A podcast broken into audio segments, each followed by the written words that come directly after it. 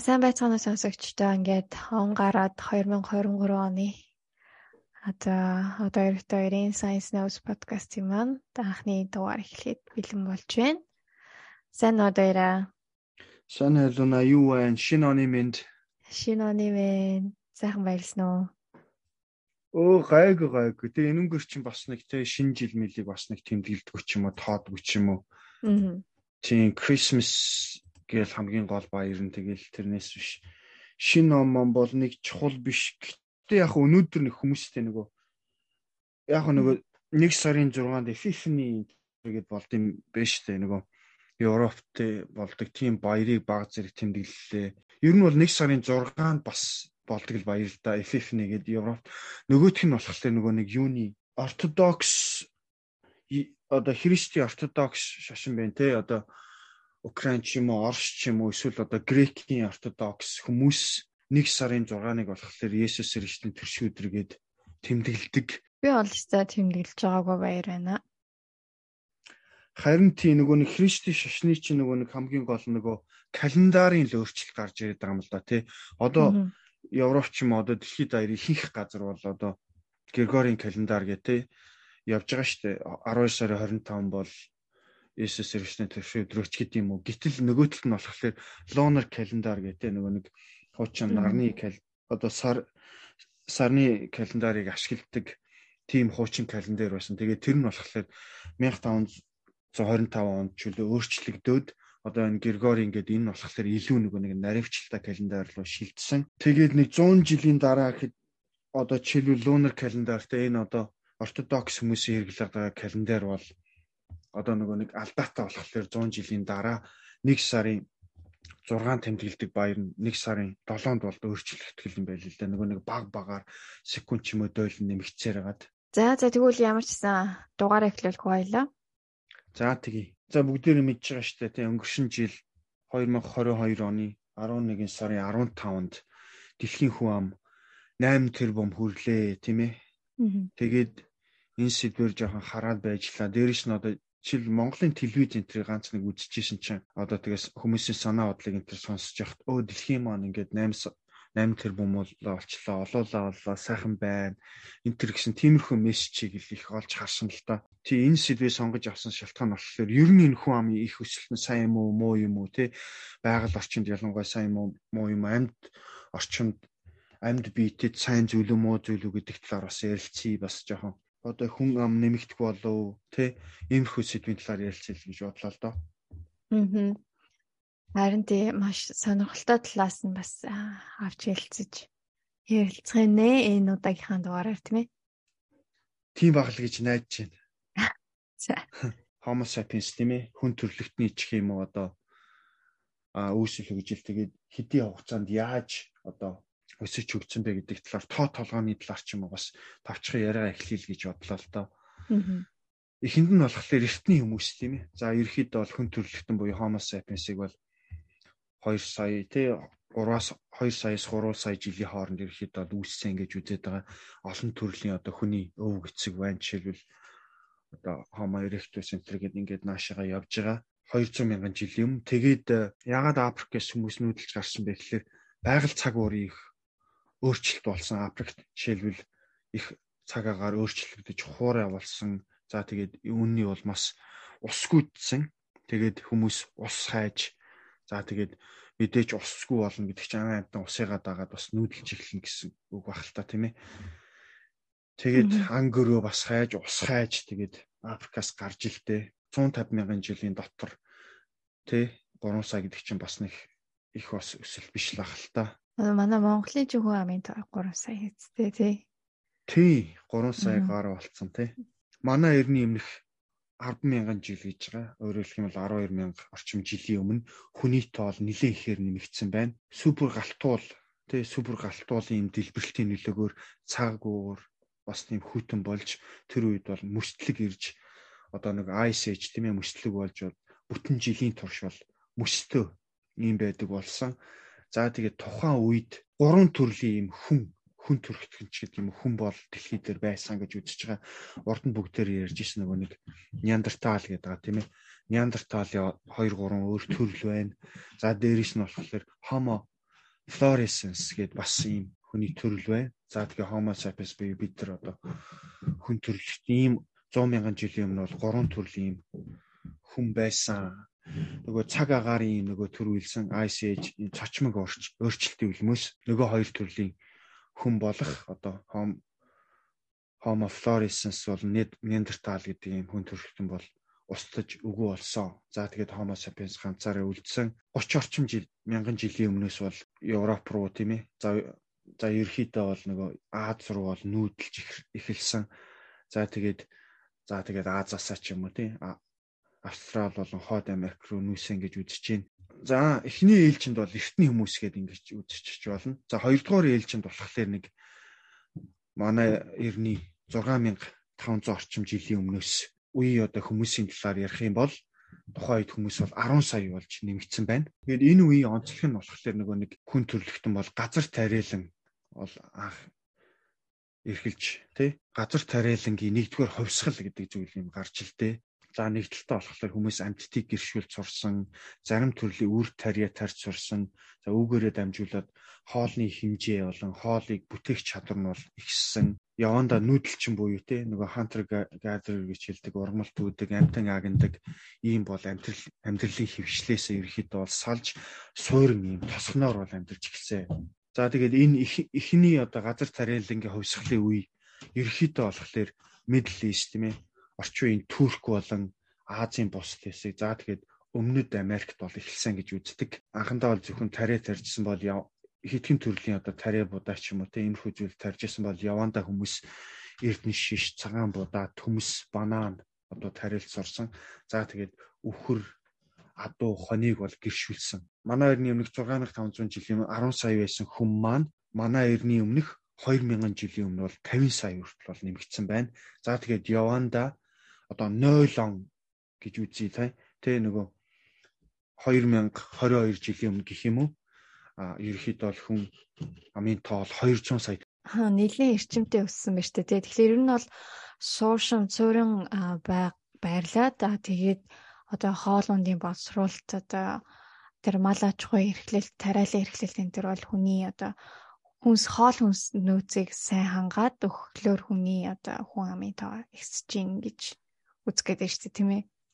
Харин тий тэгж л үзэж чинь нэгдүгээр тийм ээ. Одоо масс арамч гэдэг юм уу тий асар ихээр нь бол хоол хүнсийг үйлдвэрлэх боломжтой. Ялангуяа одоо тари удаа дээрээс нь амтан тий сүү сууршмал одоо амьдарч эхэлсэн. Олноороо заавал тэгж нүүх хэрэггүй болсон л да. Тийм болохоор нөгөө байгалийн баялагч гэдэг юм уу. Одоо байгалийн одоо иргэшээлд байх нь бол багассан гэж үзэх юм байна л. Тийм. Гэхдээ яг хөө зүгээр янз бүрийн санаанууд зөндөл байдаг л да санаа ч юм уу, онол ч юм уу, тэгээ бас нэг сургууль ч юм уу тэр хүмүүс юу гэж үзэж байна гэхээр ерөнхийдөө бол энэ газар тариалан нэгдүгээр, хоёрдугаар нь амьтдыг гэршүүлэх бол хүн төрлөختний хүн төрлөختний хувьд бол ухралт болсон. Яагаад тэгэхээр амтан гэршүүлэн гэдэг бол асар их бактери тийм ээ өвчин тусгам нөлөөлсөн. Дээрээс нь болохоор ургамлыг э, нутгшуулаад будаа ч гэдэм юм хитгэн төрлийн ийм одоо хүнсний бүтээгдэхүүн одоо тариалж эхэлнэ. Энэ энэ тохиолдолд болохоор нөгөө нэг хүнс хоолны хувьд олон төрлийн хоол идэж уудаггүй. Тийм учраас одоо шүдний өвчтэй болж ин гэж гидсний эмэгтэй болж ин тийм ээ. Одоо нутришн тийм ээ хоол хүнсний хувьд бол тийм олон төрлийн энерги хоёрдугаарт энерги багтай тэгээд ерөөхдөө яг хүн их өссөн ч гэсэн зүгээр нөгөө ДНХ-гийн одоо олноор хувилж байгаа гэхээс биш амьдралын чанар нэмэгдсэн гэж бас үздэггүй юм байл л дээ. Аа. За тэгээд дараачих нь үе болохоор одоо аж үйлдвэрийн хувьсгал гэдэг тийм ээ 1760-аас 1820 онд ерөнхийдөө бол энэ бол Европт бол үссэн ялангуяа баруун Европ одоо хойд Европт өсч хөгжсөн зүйл байгаа. За 1804 онд хүн төрөлхтний тоол 1 тэрбум төрсэн байна. Энэ үеэс хүний хийдэг олон ажлыг машин хийж бүтээх болсон уурын хөдөлгөөр гарч одоо том том аж үйлдвэрийн салбарууд үүссэн одоо вагон ч юм уу тий усан тайвар зам товц оёлын үйлдвэр гэх мэт юм шинэ зөвлүүд бол машинаар ажилдаг болсон. За тэгээд дундаж амьдралын стандарт бол өсөж хувцас хоол гэрийн тавилга эд хэрэгэл одоо ийм зүйлүүдийн үн бол хямдарсан. Олноороо том хот ч юм уу суурьшиж ихсэн болохоор нөгөө нэг холер гэдэг дээ тий нөгөө Гидсний өвчин билүү те? Тий нөгөө муухай уснаас болдог нөгөө. Тий. Хөтөлд гараад бас нэг хүмүүс нас ордог ч үлээ. Тим өвчин нөгөө тайфод гэх мэт тий гих мэтийн өвчин бол зөндөө бол нэмэгдсэн гэж үзэж जैन. Тэгээд яг уу энэ бол Европын хувьд л та Монгол бол ерөөхдөө аж үйлдвэрийн хувьсгал энтерос хаамаг бол хол байсан баг л та. Тэгээд яг уу энэтэй холбоотойгоор аж үйлдвэрийн хувьсгалтай холбоотойгоор хүний тоол нэмэгдээд 1927 онд бол хүн бол 2 тэрбум 1960 онд 3 тэрбум 1974 онд 4 тэрбум 1987 онд 5 тэрбум 1999 онд 6 тэрбум 2011 онд 7 тэрбум хүржээ. Маш эрчимтэйгээр ер нь өссөн байна. Гэхдээ ер нь бол одоо нэг дэлхийн 1 2 дугаар дайн, дайны үе бол ерөөсөө айхтар нөлөөлөггүй шүү дээ тий хүний өсөлтөнд. Одоо энэ том дайнууд бол асар ихээр бол нөлөөлөөгүй гэж харагдаад байгаа байхгүй. Энэ дээр тийм ээ ерөөхдөө одоо 80 хэдэн жилийн дот 1 тэрбум гаруугаас 7 тэрбум хүртэл нэмэгдсэн гэдэг чи одоо 3.1 эдтэй ч дахин өссөн ба шүү дээ тийм. Гэхдээ яг нөгөө халиунаа сая чиний ярьсан дээр нэмэхэд тийм ээ ерөөхдөө бол түүхийн туршид бол ямар нэгэн байдлаар тийм ээ байгалийн аюул гамшигч байд юм уу өвчнч байд юм уу тий хар тахал энэ төр гээд иймэрхүү иймэрхүү зүйлүүдээс бол жишээлбэл хүний тоол багасч исэн тохиолдол байна. Жишээлбэл одоо Black-тай те хар тахал Европ болоход одоо 1600 оны үед 1500 те тэр оны үед бол Европын хүн бол 70 80% өмнө бараг л За доройж 50% нь усцсан гэж үзэж байна. За тэгээд баруун Ромын эзэнт улсад 3 болон 5 дугаар зууны үед бол дайн тулаантай байхад бол хүний тоол асар багаар багасан гэж үзэж байна. Бас нөгөө 17 дугаар зууны үед Мин дайнасти гэдэг байгаа нөгөө нөгөө монголчууд хөөж явуулсан нөгөө хятадын улс чин дайнасти гэдэг байгаа шүү дээ. Нөгөө манчнарт эзлэгдэх үед бас асар олон ороод хүмүүс нас орсон тий.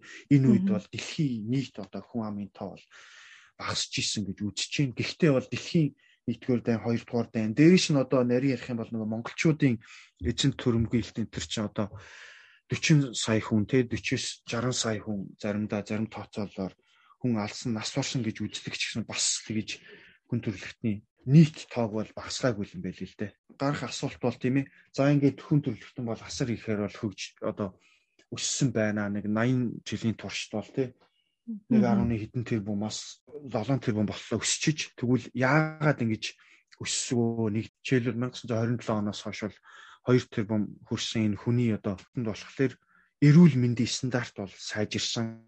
Жишээлбэл одоо ус болон агаарыг бол асар ихээр цэвэржүүлсэн.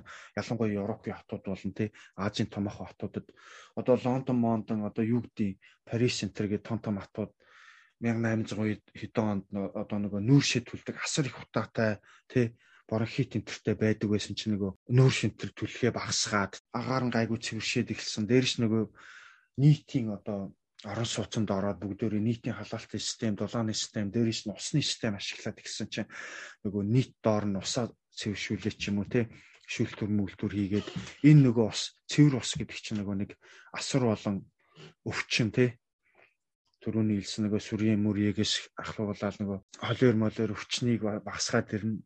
За тэгэхээр чи хүний дундаж наслал нэмэгдэж чинь. За дээрээс нь болохоор техник технологийн дэвшил шинжлэх ухааны дэвшилтэй холбоотойгоор одоо жишээлбэл олон төрлийн вакцин гарсан байна. Smallpox-ыг бол устгасан тийм ээ. Smallpox чинь бас асар олон үний одоо амийг амьд нөлөөлдөг ийм өвчин байсан. Антибиотик тийм ээ. Асприн, аспринаас ахуулаад одоо дэлхийн нэгдүгээр дайны үед чинь нөгөө бактерийн эсрэг тий. Бактери эсрэг тариачин тий пенцилин энтер гарсан. Тэгээд иймэрхүү маягаар хүний одоо амьдралын чанар нэмэгдсэн л гэж үзэж байна л да. Харин тэг ер нь бол яг амьдрах нөгөө таатай нөхцөл бүрдээд эхэлсэн л байна л да тийм ээ. Хүний үржих таатай нөхцөл аюул байхгүй тий эрүүл дээр нь тухтай. Яг зөв. Дээрээс нь бас эрүүл мэндийн үйлчлэгээ нийтдээ ерхэд бол сайжирсан дээрээс нь одоо их хүүхдийн одоо эндэгдэл багассан гэж үзэж байна л да. Тэгж үздэг штэ тий олон жилийн өмнө ч юм уу тий зарим газар одоо хүүхдтэй нэр өгдөггүй 5 6 нас хүртэл нь одоо нэр өгдөггүй. Яагаад тэгэхээр амархан нас орчаад идэг учраас ч юм уу те. Дэлхийн хүн хүн ам маань одоо 8 тэрбум хүрчлээ. Одоо хүн ам одоо хаана өсөд байна гэдэг асуулт гарч ирнэ л те. Аа. Аль тухтай хэсэгт нь л өсөж байгаа илгүүтэй гэж бодчих. Тийм үү. одоо халионаг ярьсан тим байж магадгүй өгөөч байж магадгүй. Яг тэгэхээр одоо бүгдээр мэдж байгаа штэ. Японч байд юм уу те. Хөгшин Европ энэ төр гэж хэлдэг. Одоо иймэрхүү газруудад өндөр хөгжилтэй дээрэс нь одоо шинжлэх ухаан техник хөгжсөн, эрүүл мэндийн үйлчлэгээ хөгжсөн газруудад хүн амын өсөлт бол багасаад 0 руу заасан.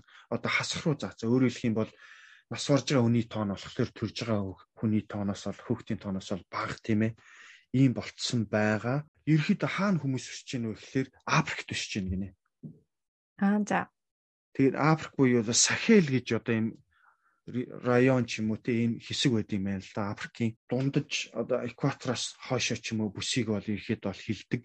За энд нь болохоор За хойд төв болон баруун Африкийн зарим хэсгүүд за жишээлбэл Сенегал, Мавритан, Мали, Буркина Фасо, Алжир, Камерун, Нигер, Нажер, Саут Судан ингээд жоохон уршигаа улсууд тэгээд яг нөгөө нэг хойшоогоо Horn of Africa гэдэг чинь Эритре, Этиопия гэдэг иймэрхүү иймэрхүү улсуудад бол хүн ам бол асар ихээр нэмэгдэж байна. Жишээлбэл улс байгаа шүү дээ. Нажириа тийм ээ.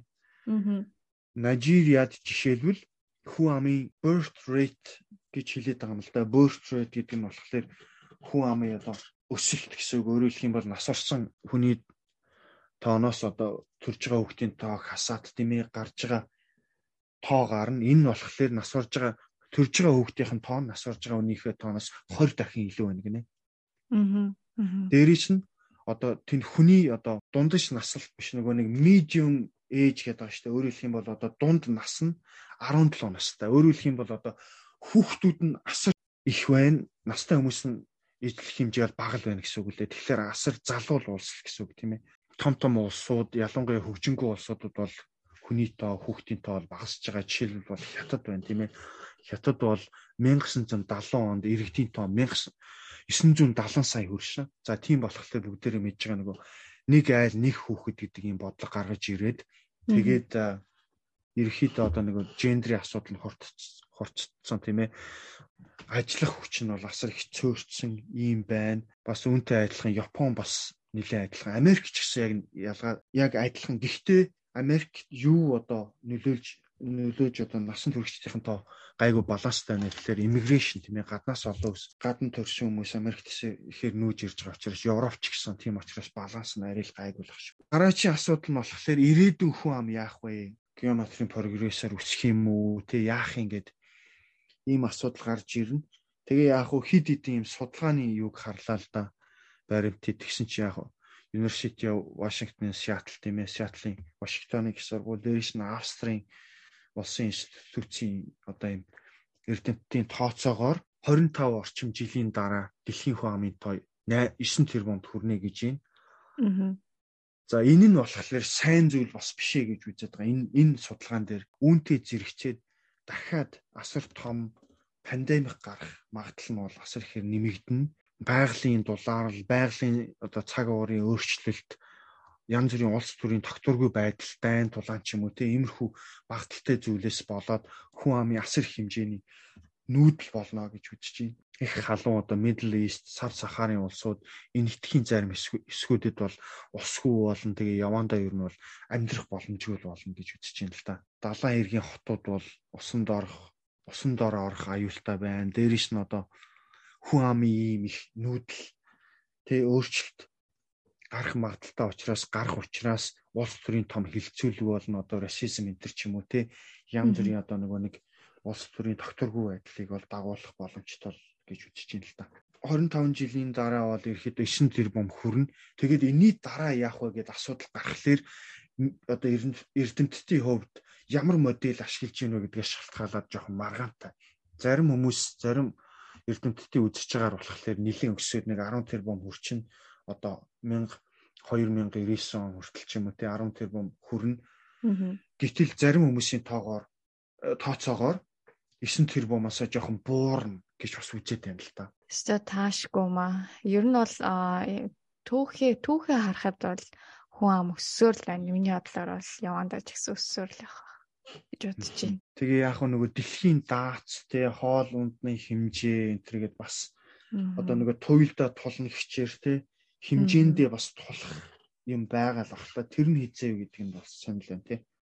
Тийм тэгээ тэрийгээ дагаад одоо экологийн тэнцвэрт байдал алдагдана. Одоо байгалийн янз бүрийн үзэгдлүүд гарч ирэх байх гэж би байна. Харин тийм. За тэгвэл дараагийн дахиад нэг асуудал нь болохоор за асуудал ч яах вэ? Монголын хүн амын өсөлтийн талаар бас харлаа л да.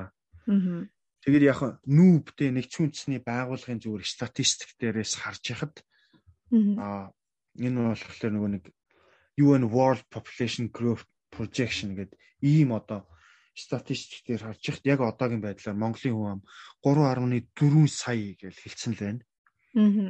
Аа. Тэгээд ерөөхдөө бол хүн амын өсөлтийн хувьд 1.5%. За тэгээд аа энэ өсөлтийнхөө хэмжээ birth rate гэдэг байгаа тийм өсөлтийн хэмжээгээр бол дэлхийд 74-т орж ийн. За тэгээд хүн амынхаа хэмжээгээр дэлхийн 200 орчим улсын нэг 133-т ороод байгаа мó да. Аа. Тэгээд 2030 он гэхэд Монголын хүн амынтай бол 3.5 сая хүн болно гэж байна. Аа яг уу яг одоогийн байдлаар хүн амын өсөлт бол ерөөхдөө бол нэг буурсан байгаа. Жишээлбэл те 60 он, 70 он, 80-аад онтой бол харьцуулахад хүн амын өсөлт бол буурсан. Одоо birth rate гэдэг одоо хүүхдийн нэг жил гарч байгаа одоо төрж байгаа хүүхдийн тоо нас орж байгаа нас барж байгаа хүний тоо харьцуулсан харьцуулыг болохоор birth rate тийм ээ гээд байгаа энэ болохоор буурсан байгаа. Тэгээд дахиад өшөө нэг сонирхолтой зүйл нь болохоор 2050 он буюу тэрнээс цаашаа Монголын хүн амын нийт өсөлтийн хэмжээ нэлийн буурна. Тэгээд 3.5 сая болно гэж сайн нэг хэлсэн шүү дээ 2050 онд тийм ээ. Тэрнээсээ буураад 3.4 4 сая ч юм уу тэрнээс буурна гэд үзээд байна л та. Аа. Өөрөөр хэлэх юм бол хүүхд одоо төрөх хэмжээ нь бол багасна. За яг одоогор болохоор нэг айл дунджаар 2.66 тийм ээ дунджаар ийм хүүхдтэй гэж үзэж байгаа бол одоо 2050 оноос хойш бол 2.11 болж багаснаа гэж үзсэн л байлээ. Э яагаад Монголын хүн амыг багасна гэж үзэж байгаа юм бол магадгүй амьдралын амьдрах нөхцөл орчин тий э, тэдгэрийг бас оруулж тооцоо гаргасан байж болох юм аа гэж бодож байна. Эсвэл эдийн засгийн одоо өсөлт хэмжээ ч юм уу тий. Гэхдээ яг миний зүгээр бодлоор бол яг нүүбийн юун дээр бол бичээгүй л л да. Миний бодлоор болохоор яг одоогоор гэхэд угаасаа хүн амын нөгөө birth rate гэдэг дээ. Төрж байгаа хүүхдийн тоо бол ихсэхгүй байгаа байхгүй юу? Яагаад яаж юм бэ гэхэлэр олон шалтгаан байгаа. Миний зүгээр тоо хар ухаанаар бодоход тийм ээ. Нэгдүгээр хүн амын одоо боловсролын түвшин нэмэгдэж гин тэрнтэй холбоотой болов гэж зүгээр таах юм. Нэг өдөрт төрж байгаа хүүхдийн дундаж хэмжээ бол өдөрт 184 гэж гин. За өдөрт дунджаар 54 хүн нас ордог гэж гин. Migration гэдэг байгаа ерөөхдөө бол өдөрт хоёр хүн гадаад руу ч юм уу дөрөвдөг нүүдэг гэж үздсэн байна. Солонгос руу, Америк руу, янз бүрийн улс руу. Жилийнхийн өдөртөө хуваахлал хас хоёр л гэж гарч ирж байна л. Хүн ам 9 тэрбум хүр яванда хөрнө гэж байна. Одоо 8 тэрбум болчлоо. Ингиж хүн ихээр нэмэгдэхэд одоо дараачийн гарах асуудал нь болохоор хоол хүнсний дутагдлын асуудал гарч ирнэ. За мэдээж дэлхий чинь тий тодорхой хэмжээтэй газартай дэлхий томрохгүй нь ойлгомжтой. Тийм учраас одоо байгалийн баялаг хэмжээтэй учраас тэнд хоол хүнсний дутагдлын асуудал гарна. Дээрээс нь хамгийн том асуудал бол коррупц ч юм уу те нөгөө авилгал хэл ахуул за дээрээс нөгөө нэг байгалийн баялагын тэгш босох хуваарлт гэдэг чинь бас хамгийн том аюул дэлхийн 200 орчим улсын 3-ны 1 нь бол маш ядуу тийм байна. Дээрээс нь одоо дэлхийн нийт хүн амын 30% буюу 30-аас жоохон илүү хувь айлын гэр бүлийн нэг том хүн өдөртөө ерөөхдөө бол нэг удаа хоол бүтээж чаддгүй гэсэн судалгаа байна. За дээрэс нь одоогоор 216 сая хүн бол ерөөхдөө бол үлсгэлэнд нэрвэгдсэн ийм байдалтай байна. Тэгээд энэ нь 2090 онд бол дөрөв дахин нэмэгдэнэ гэж үзэж байна. За тэгээд дэлхийн хүн ам бол цаашаа өсөх тусам дэлхий дээр бол тулгамдж байгаа асуудлууд бол улам ихээр нэмэгдэнэ. Жишээ нь бол байгалийн бохирдол амтэн ч юм уу те жигүүртэн шувуу одоо загсыг бол агнах тоон асар ихээр нэмэгдэнэ. За тэгээд хүний оролцоотой араатан шувууд одоо олон төрлийн амьдралын хил одоо хэлбэрүүдийн одоо тоо цөөрж устж өгөө болох ийм хинжээ нэмэгдэн. За дээрээс нөгөө одоо хүнийг одоо махаар хангах, хоолоор хангах одоо ханхийн тулд ферм эрчимдсэн одоо ферм аж ахуй бол асар ихээр нэмэгдэж нэмэгдээд явна. Энэ яаж вэ гэхээр модыг устгах, байгалыг устгах тэгээд газрыг нөгөө тэгшлээд ферм барьдаг ийм үзэгдэл бол асар ихээр нэмэгдэж байгаа. Тийм учраас тийм тийм Amazon-ы OMH-од ингээд байхгүй болоод байгаа шүү дээ, тийм ээ. Хамгийн том тулгарсан асуудал болж байгаа нөгөө энергийн асуудал байна. Одоо нүүрс шиг түлээд байна, байгалийн хийг ашиглаад байна. Энэ болохоор нөгөө дэлхийн дулаар л одоо climate change-д бол нөлөөлж байна. Энэ бол явандаа ингээд хурцсаад явна. За дээрээс нь өшөө нэг том асуудал бол нөгөө biodiversity гэдэг байгаа. Ингээ олон төрлийн ан амьтан амьдралын хэлбэр багасах юм аюулд орж байна. Аа. Тий. Энэ biodiversity гэдэг энэ багасна гэдэг бол асар том л аюулын харанг юм байл л дээ. Иймэрхүү сэдвийн сэдвээ би бас дараа жоохон уншиж бэлтий гэж бодож байгаа л да biodiversity-ийн талаар. Тий одоо зарим зөвлөл төрлийн амьтад бол бүр дахин сэргээхдгүйгээр алга болт гэсэн үг шүү дээ тийм ээ. Яг одоогийн байдлаар 8 сая орчим одоо амьтан ургамал одоо ийм амьдралын хэлбэр мөхлийн ирмэгтэр байна гэж үжижээ л дээ. 8 сая төрөл. Асар их хэмжээний төгслөө шүү дээ тий. Асар их хэмжээний. Эколог байгалийн экологийг яг таар нүү тэнцвэржүүлдэг энэ хөө одоо biodiversity тийм олон төрлийн ургамал амтан устж өгөө болно гэдэг амар тийм одоо хүн сонсогдож байна тий. Дэлхийн одоо дэлхийн экологийн тэнцвэргүүл болно л гэж ойлгохтаад байна л та. Харин тийм жишээлбэл одоо зүгээр нэг хэн жишээ хэлэхэд Lady Bug гэдэг баг. Цох орхой цох хорхоо тийм ээ. Жишээлбэл цох хорхооны тоо одоо ингээд хөрөнгөтэй босоод ч юм уу те нөгөө нэг pesticides энэ гэдэг чинь нөгөө химийн бордоо ч юм уу химийн зүйл ашиглаад ирэх эхлэхээр ladybug гэдэг цог хор цог хорхооны тоо багасч чинь цог хорхоо чинь болохоор одоо нөгөө газрын хөршиг иддэг муухай тий амтэн ч юм уу тиймэрхүү зүйлүүдийг устгах жил байд юм байна л да. Тэгэхээр чи нөгөө нэг бактери ч юм уу энэ нэг одоо нэмэгдээд ирнэ.